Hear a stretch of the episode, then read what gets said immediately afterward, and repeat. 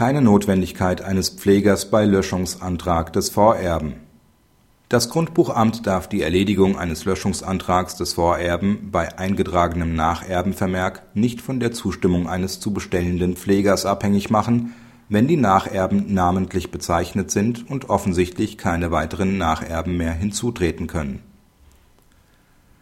Der Witwer beerbte seine verstorbene Ehefrau als nicht befreiter Vorerbe im Erbschein waren die drei Kinder der Erblasserin als Nacherben namentlich bezeichnet und dem Vorerben das Recht der Bestimmung des konkreten Nacherben ausgewiesen. Der Vorerbe beantragte die Löschung eines eingetragenen Grundpfandrechts und legte die Zustimmungserklärung der drei Nacherben dem Grundbuchamt vor.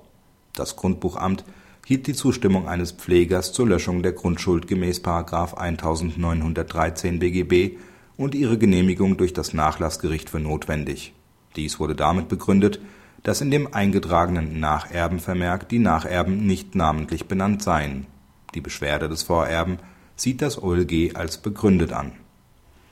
Grundsätzlich darf das Grundbuchamt die Löschung eines Rechts selbst dann, wenn der Nacherbenvermerk nach § 51 GBO eingetragen ist, aufgrund der Löschungsbewilligung eines nicht befreiten Vorerben nur mit Zustimmung des Nacherben vornehmen einem noch nicht gezeugten Nacherben oder einem solchen, dessen Persönlichkeit erst durch ein künftiges Ereignis bestimmt werden kann, ist für die Zeit bis zum Eintritt der Nacherbfolge ein Pfleger zu bestellen.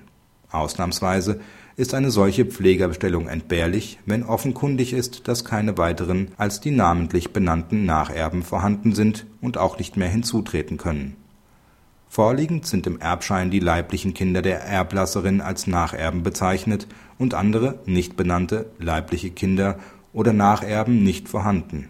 Wegen des Todes der Erblasserin sind solche naturgemäß auch nicht mehr zu erwarten. Auch im Testament sind andere Nacherben als die leiblichen Kinder nicht vorgesehen.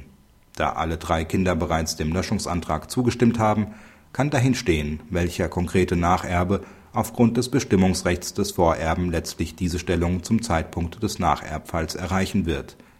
Der Pflegerbestellung bedarf es daher ausnahmsweise nicht. Praxishinweis Die Entscheidung hilft demjenigen Vorerben, der sich gegen allzu schnelle Pflegerbestellungen für grundbuchrechtliche Erklärungen seitens des Grundbuchamts zur Wehr setzen möchte.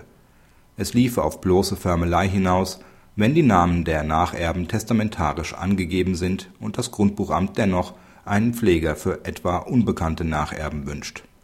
Dem Testamentsgestalter ist anzuraten, nicht die leiblichen Abkömmlinge als Nacherben einzusetzen, sondern diese namentlich zu benennen